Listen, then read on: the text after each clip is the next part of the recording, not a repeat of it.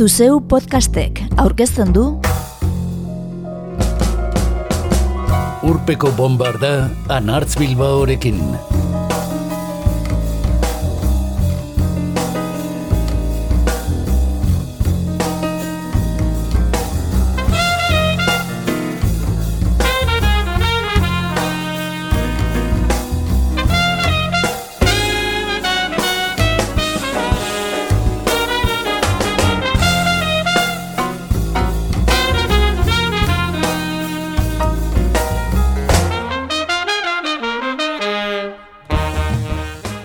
Urpeko bombardan gaur, Donostiako zinemaldiari begira jarri gara.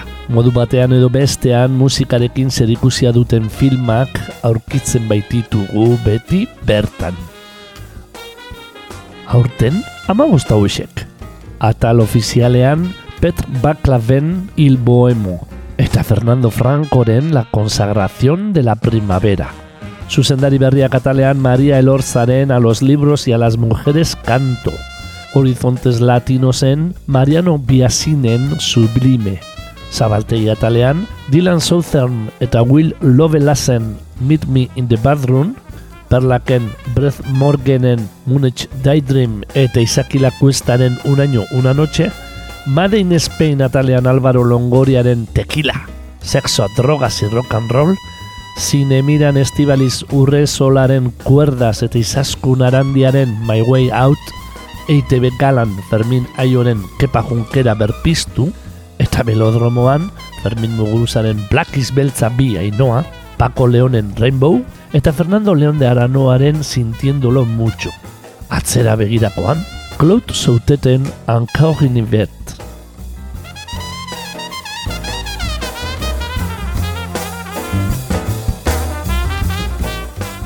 Amabos horietarik amairu film kantu banarekin lotuko dugu saioa osatzeko. Eta hasi, ozeko astiarekin hasiko gara.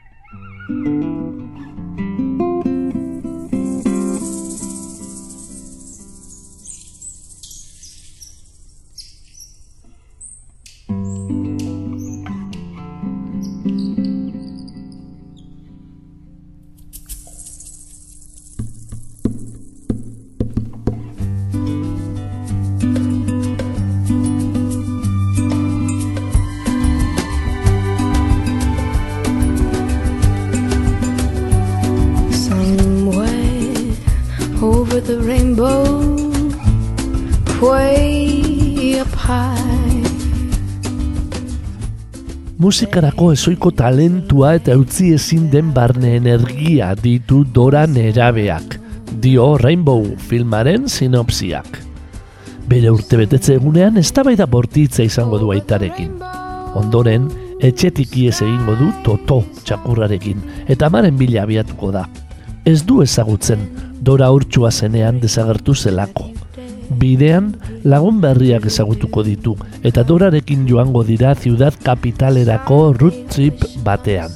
Bere iraganeko misterio argitzen saiatuko diren etzai arriskutzuei ere egin beharko die aurre. Dena den, Doraren bizitasunak eta magiak lagunduko diote bidaiaren amaierara iristen. Beste baten hasiera dena.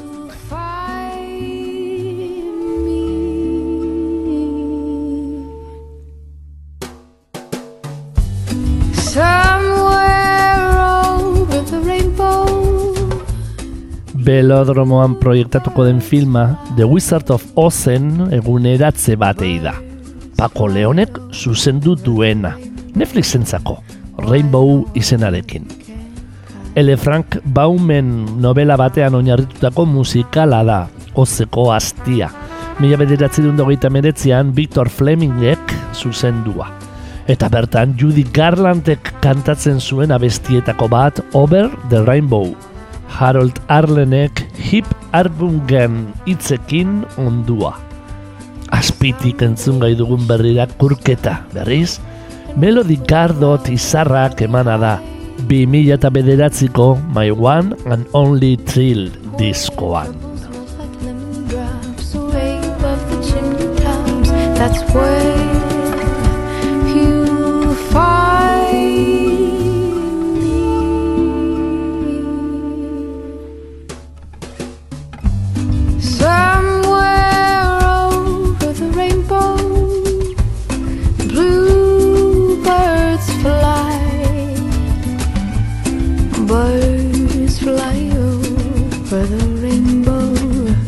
Why then, oh, why can't I?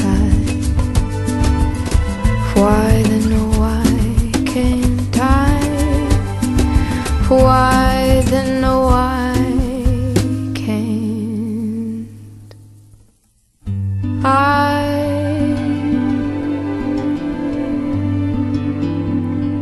If happy little bluebirds fly beyond the rainbow. Why, oh, why can't I?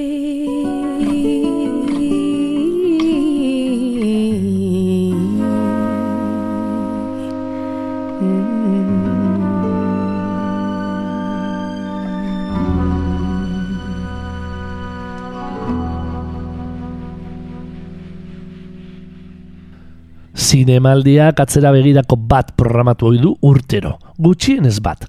Aurten, Claude Sautet zuzendariari eskainia. Frantziar zinemagilearen amairu lan proiektatuta. Mila bederatzerun da berrogeita maikako lehen film laburra, eta mila bederatzerun da irurogeiko Chestus Riskes kenduta, zuzendu zituen guzti guztiak. Mila bederatzerun da berrogeita mangosteko Bonjour Sausir filmarekin hasi, eta mila bederatzerun da larogeita mangosteko Nelly et Monsieur Arnaud filmarekin bukatu. Romy Snyder eta Michael Piccoli artistekin egindako elkarlanengatik da ezaguna zautet. Zinema frantziarraren historian bidegurutze batean kokatzen den zuzendaria. Ez da gerra osteko zinema gileen belaunaldikoa, ez da Nouvelle Vagekoa ere. Emmanuel Bert protagonistatuen berazken aurreko filmean, mila bederatzen da larogeita amabiko bihotz bat neguan, zautetek amodio triangelu eta susteko erakarpenei buruzko drama delikatua dakar. Honela dio sinopsiak. Maxin eta Stefan adizkideek elkarrekin egiten dute lan ari instrumentuen fabrikazio tailer lasai batean. Maxin violin jotzaile batekin maiteminduko da, Kamilerekin. Estefaneren nortasunak harritu eta morratu egiten du Kamil. Gizonak ez baitu inolako sentimendurik erakusten. Harreman konplexua ezarriko da iruren artean.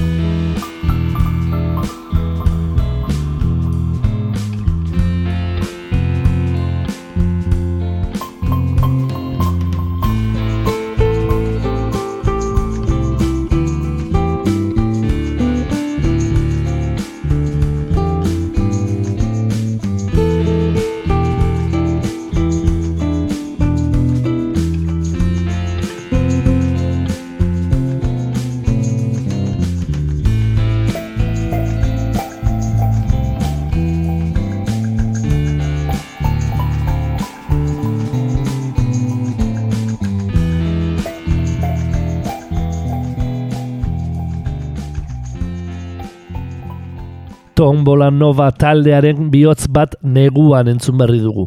Cloud Sauteten filmaren izenburu bera duelako, baino ez.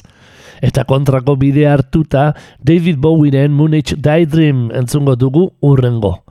Aurten, berrogeita urte bete dituen The Rise and Fall of Ziggy Stardust and the Spiders from Mars arribitsiko kantua da Munich Daydream. Baita perla katalean proiektatuko den Breath Morganen filmaren izenburua ere. Gure garaiko artista handienetako batek, David Bowiek, kultura aldatzen eman ditu berrogeita urte baino gehiago. Orain arte ez ezagunak ziren irudietan zazpen zora agarri eta kaleidoskopikoen bidez kontatua. Eta Bowieren hitzek eta musika enguratua, Moonage Daydream filmak mundu paregabe batean, Bowie munduan murgiltzeko proposamena egiten die ikus entzulei. I'm an alligator. I'm a mama, papa coming for you. I'm a space invader. I'll be a rock and rollin' bitch for you.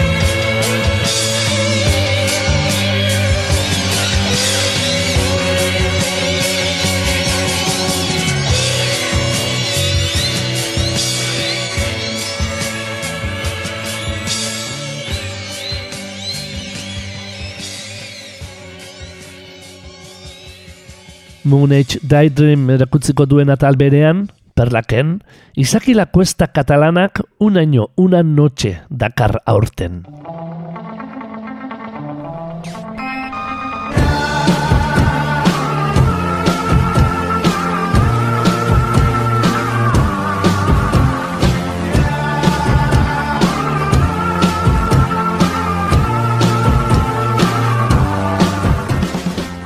Ramon eta Zelin bikote gaztea Parisko Bataclan lokalean zeuden 2008ko azaroaren amairuan.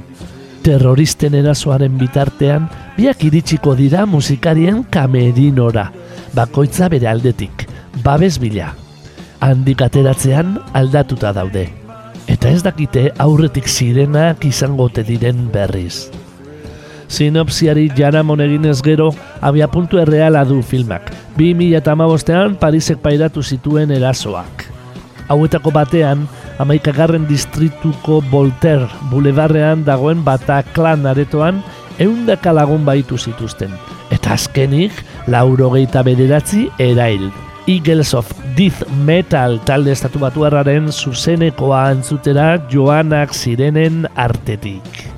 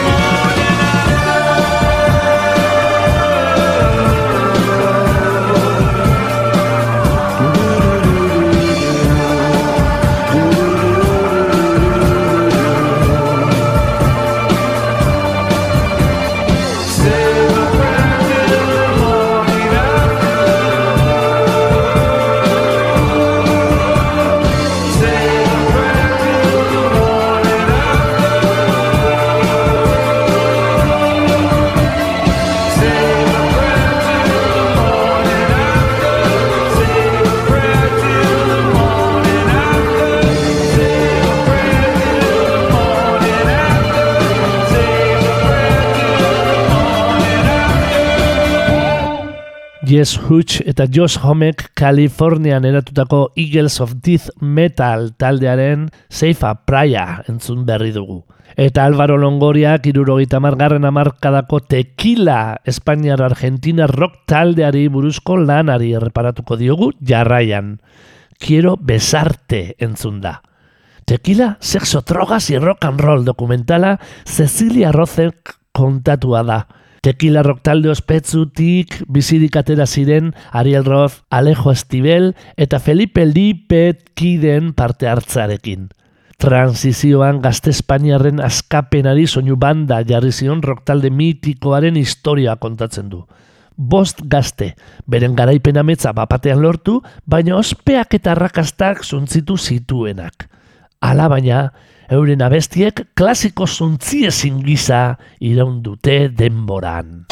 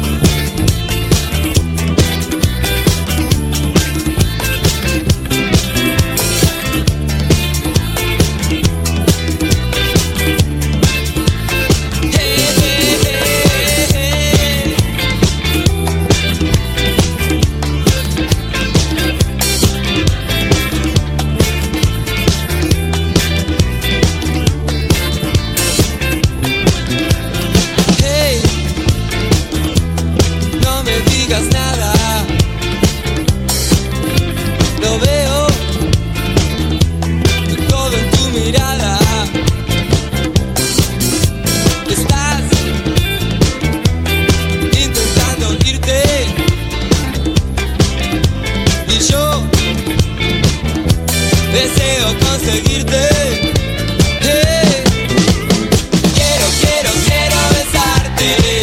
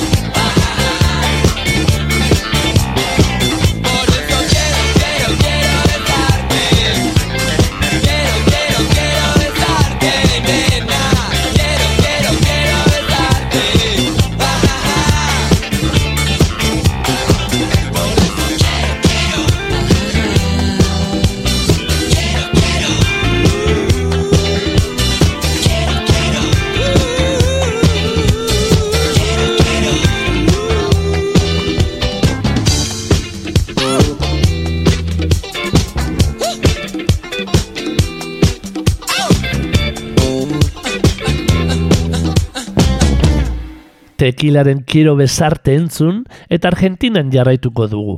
Horizontes Latino zaileko sublime filma aurkesteko. Hamasei urteko Manuel kostaldeko hiri txiki batean bizi da. Basua jotzen du bere lagun honenekin duen musika taldean. Lagun horietako bat Felipe da, eta oso lagun minak dira biak gazte-gaztetatik. Manuelek harreman bat du azulekin, eta bizitasun handiz ari dira esploratzen harreman hori biak. Baina lehen aldiz egitear daudela, horrela dio sinopsiak, egitear daudela, Manuelek sendimendu zeharo berria izango du, eta Felipe bestela ikusten hasiko da. Bi adizkide onoiko egoerak aldatzen hasiko dira. Manuelek jakin nahi du Felipek ere bulkada hori sentitzen ote duen. Erronka bi mutikoen adizkidetasuna arriskuan ez jartzea da, baina kolokan egongo da azkenean, alabeharrez. Mariano Biasinek zuzenduriko sublime filmak amargarren Sebastian Latino saria irabazi du. Geituk eman eta homosexualen, bisexualen zein transexualen realitatea eta balioak islatzen dituzten lanak saritzen dituena.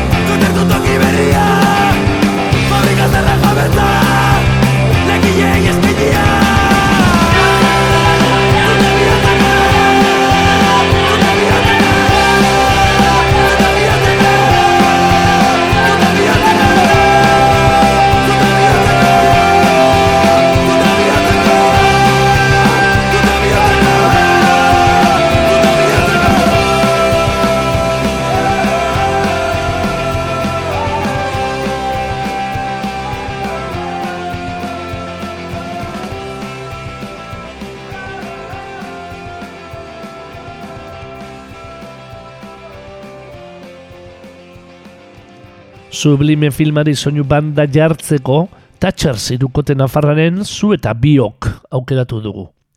Eta LGTBI gaiak aipatuta, My Way Out aurkezteko txanda dugu. Izaskun arandiak zuzendu eta zinemirak agertuko duena. The Way Out pertsona transentzako klub ospetsuak hogeita bosgarren urte hurrena ospatu zuen 2018an. Dokumentalak Londresko trans agertokiaren azken hiru hamarkadak errepasatzen ditu. Eta elkarrizketa eta artxiboko grabazioen bidez, klubak komunitate transean izan duen eragina erakusten digu. 2008ko martxoan, COVID-19 mundu pandemiaren ondorioz, klubak berateak itxi zituen lehen aldiz bere hogeita sortzi urteko historia osoan. Zer nolako etorkizuna izango ote du leku berdin gabe horrek? Dantzaleku bat du abia puntu, My Way Out filmak, eta disko musika ugari agidanez. Soinu bandan partartu dutenetako bat dugu jogurina boroba. Eta bai zi yes diskotik Afrodita A entzungo diogu bilbotarrari.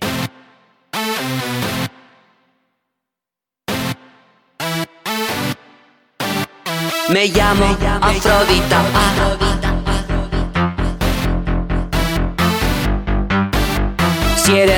un poco vintage, mi nombre algo te dirá. Mi cuerpo es duro y terso, mi piel es de puro metal. Cada vez que doy un paso, se oye un King Clan fatal. Tú crees que me conoces, fuego de pecho dirás. Ay, qué simple eres, baby, te engañaron como al que más.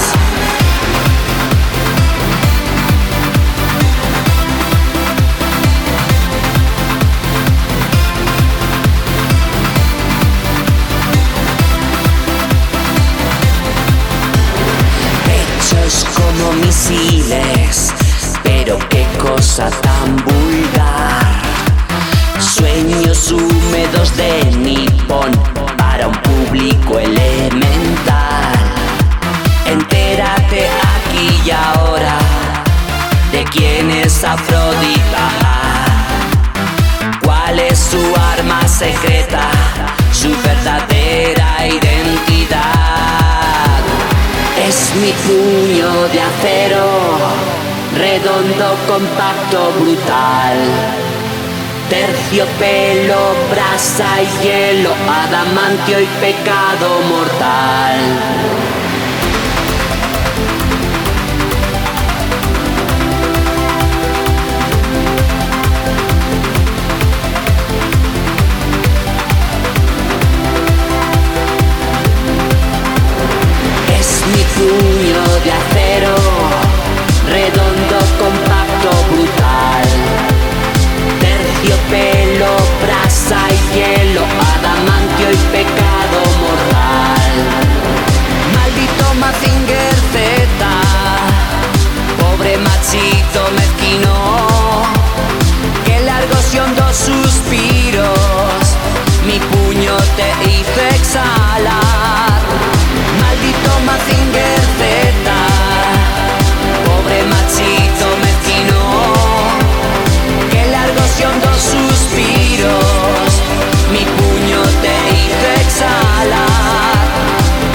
Mi puño de acero, redondo, compacto, brutal.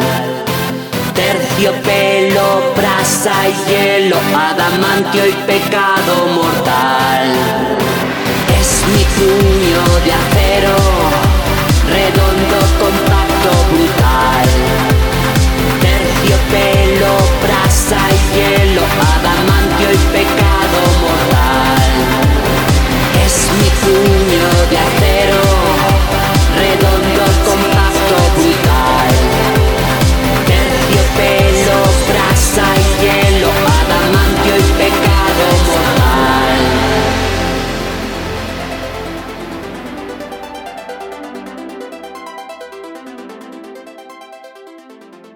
Zinemaldiaren aitzakian ari gara gaur urpeko bombardan. Aurkez gai ditugun filmetako askok musikarekin zerikusia zeharkakoa baino ez duten arren.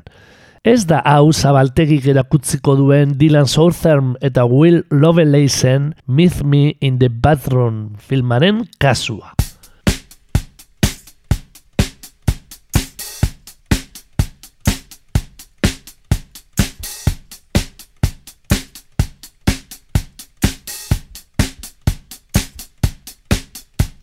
It's time to get away. It's time to get away from you. It's time to get away. It's time to get away oh, from you. Uh, you brought a lot of money. But me, I'm catching tidy tummy.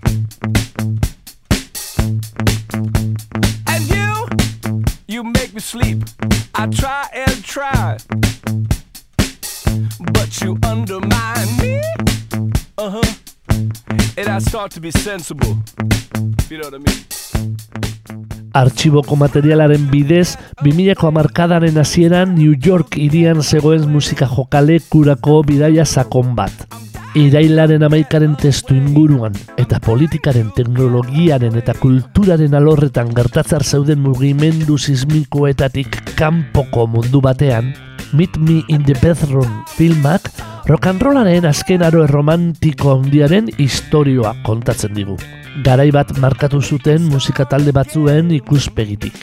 The Strokes, LSD Sound System, Ye Ye Ye eta Interpol. Aipatutakoetatik James Murphyren LCD Sound System taldearen Time to Get Away da hautatu dugun kantua. Caught a lot of static. And me, I would like it automatic. Oh, what, what, what, what, what did you think would happen next?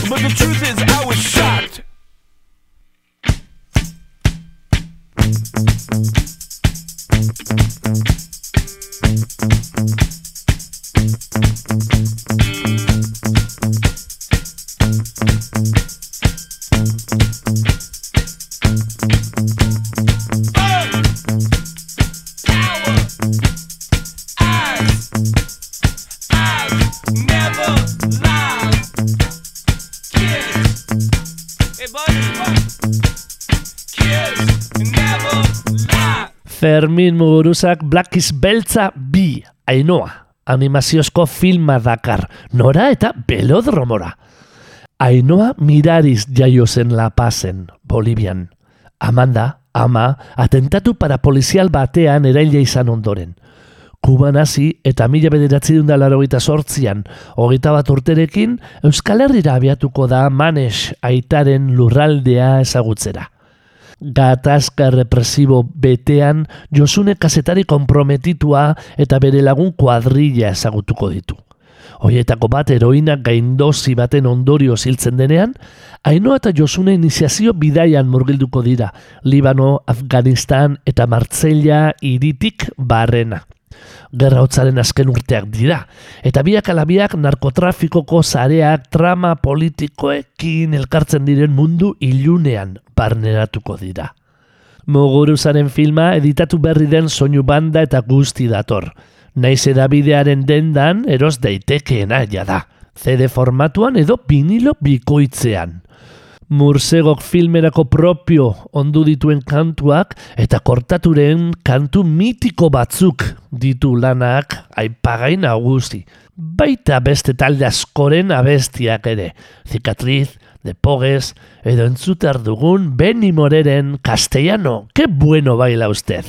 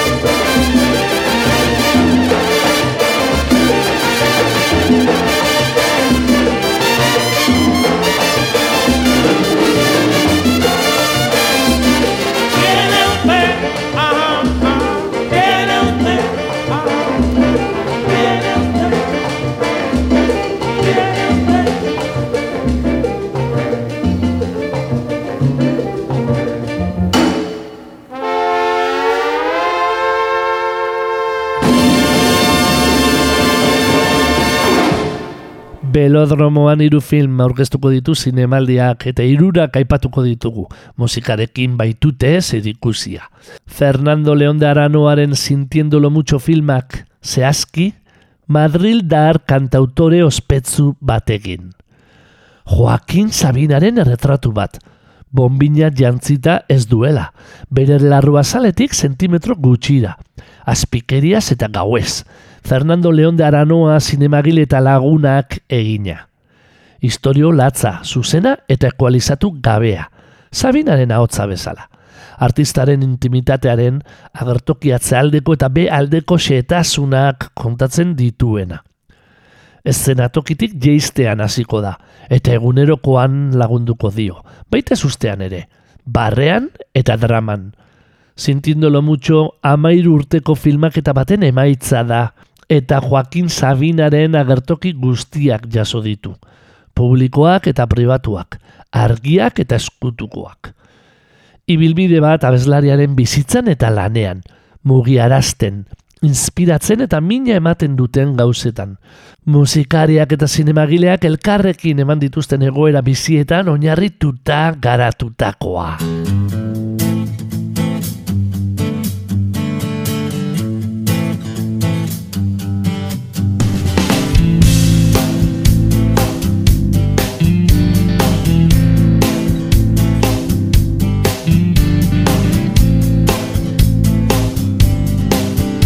Resumiendo que tengo un cajón de la firma Pandora.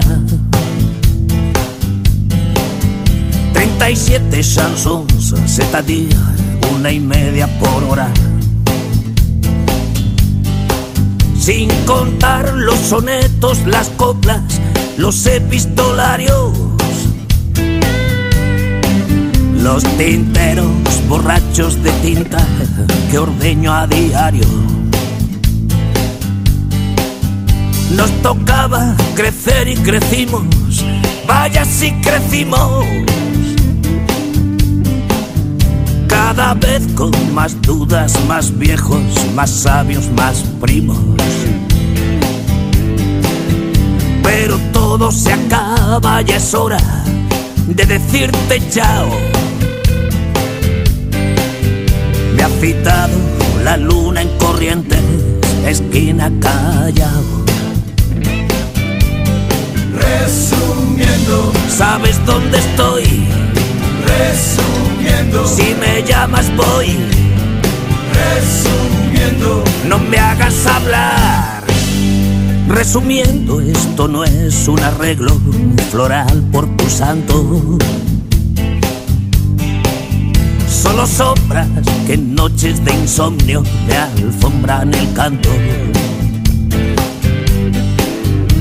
Sobre nuestras cabezas silbaban calumnias payolas. Mano a mano las fuimos driblando a puertita gallola. Hace siglos que quiero enviarte palomas de humo. Antes de que carcoma el invierno, la culpa te asumo. Ten a bien recibir de mi parte un abrazo de amigo. Cuando estalle la guerra estaré en la trinchera contigo. resumiendo, Sin voto y sin voz, resumiendo, que se pasa el arroz. resumiendo, Dos pises y amén. Resumiendo que tengo un cajón de la firma Pandora.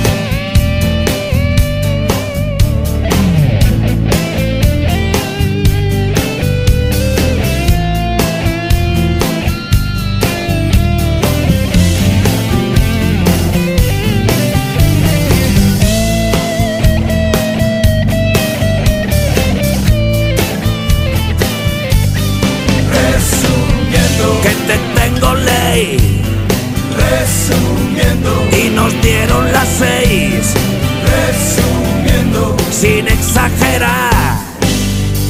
Una noche te vimos con Tola bajar la escalera. Yo rompía una copa y Javier destrozaba la hoguera. resumiendo,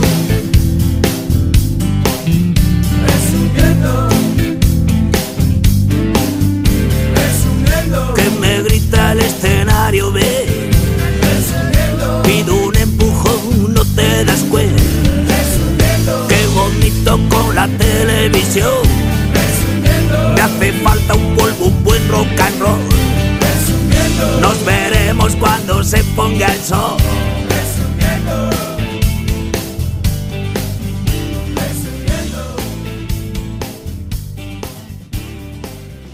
Joaquin Sabinaren 2005ko Alivio de Luto diskotik resumiendo entzun dugu. Eta bukatzear dugu asteongo urpeko bombarda. Estibaliz Urrezolaren kuerdaz, ordu erdiko film laburra, zinemirak atalean proiektatuko dute. Rita emakumeen abezbatza baten kide da. Entzeatzeko lokala ordaintzeko behar duten udalaren diru laguntza galdu dutenez, korua desagertzeko arriskuan dago. Horregatik, erabaki beharko dute beren araneko enpresa kutzatzaileenetako baten babesletza onartzen duten ala ez. Abez batzez mintzo garela eta Zedaxe Georgia Arabez batzaren eskontza kantu bat hautatu dugu urrezolaren kuerdaz laguntzeko. Kakuri makruli. Ha!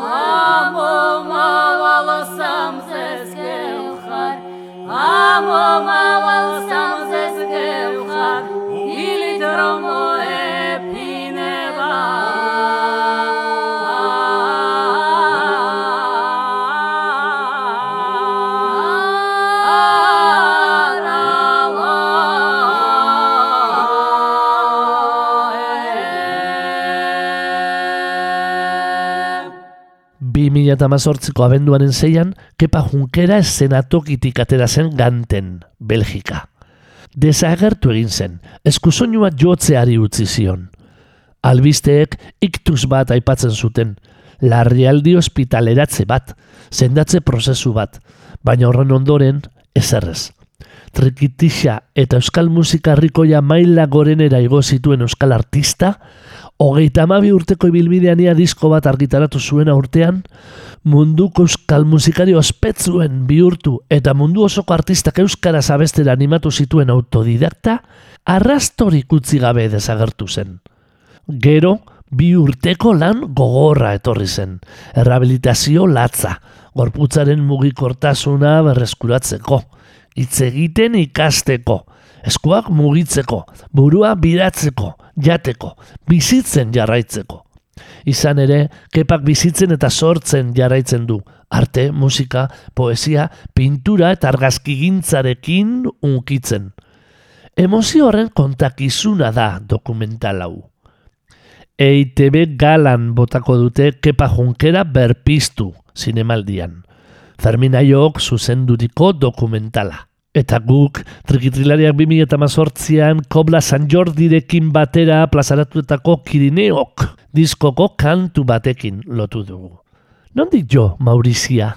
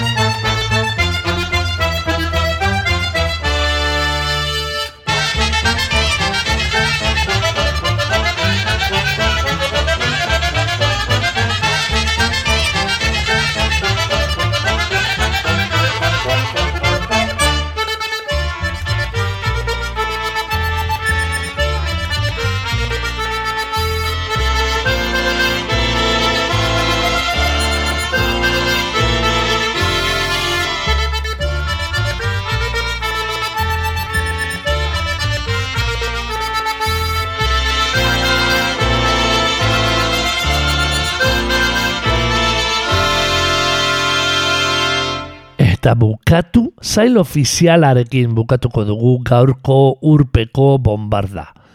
Fernando Francoren La consagración de la primavera filmak ez du, egia esan, musikarekin zerikusirik. Naiz eta izenburuak Stravinskiren balet sonatura dakargun akordura. Pit Baklaven Il Bohemo filmak ordea musika du gaietako bat, bete-betean. mi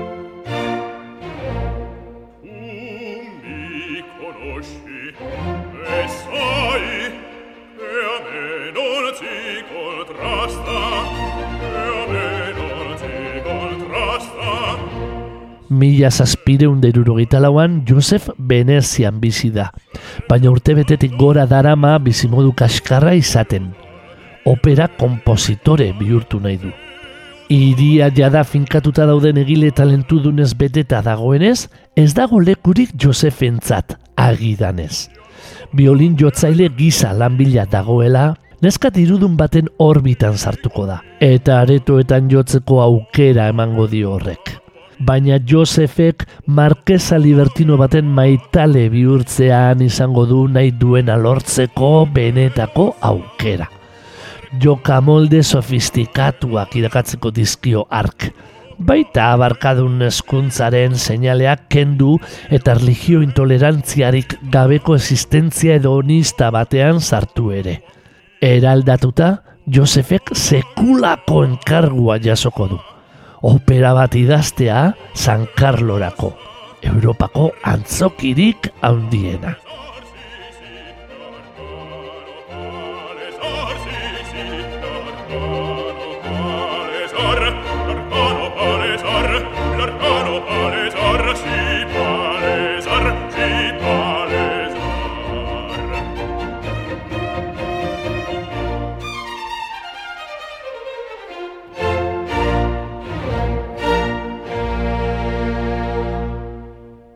Venezia eta opera aipatuta, ezinbestean Rossinirekin akordatu gara.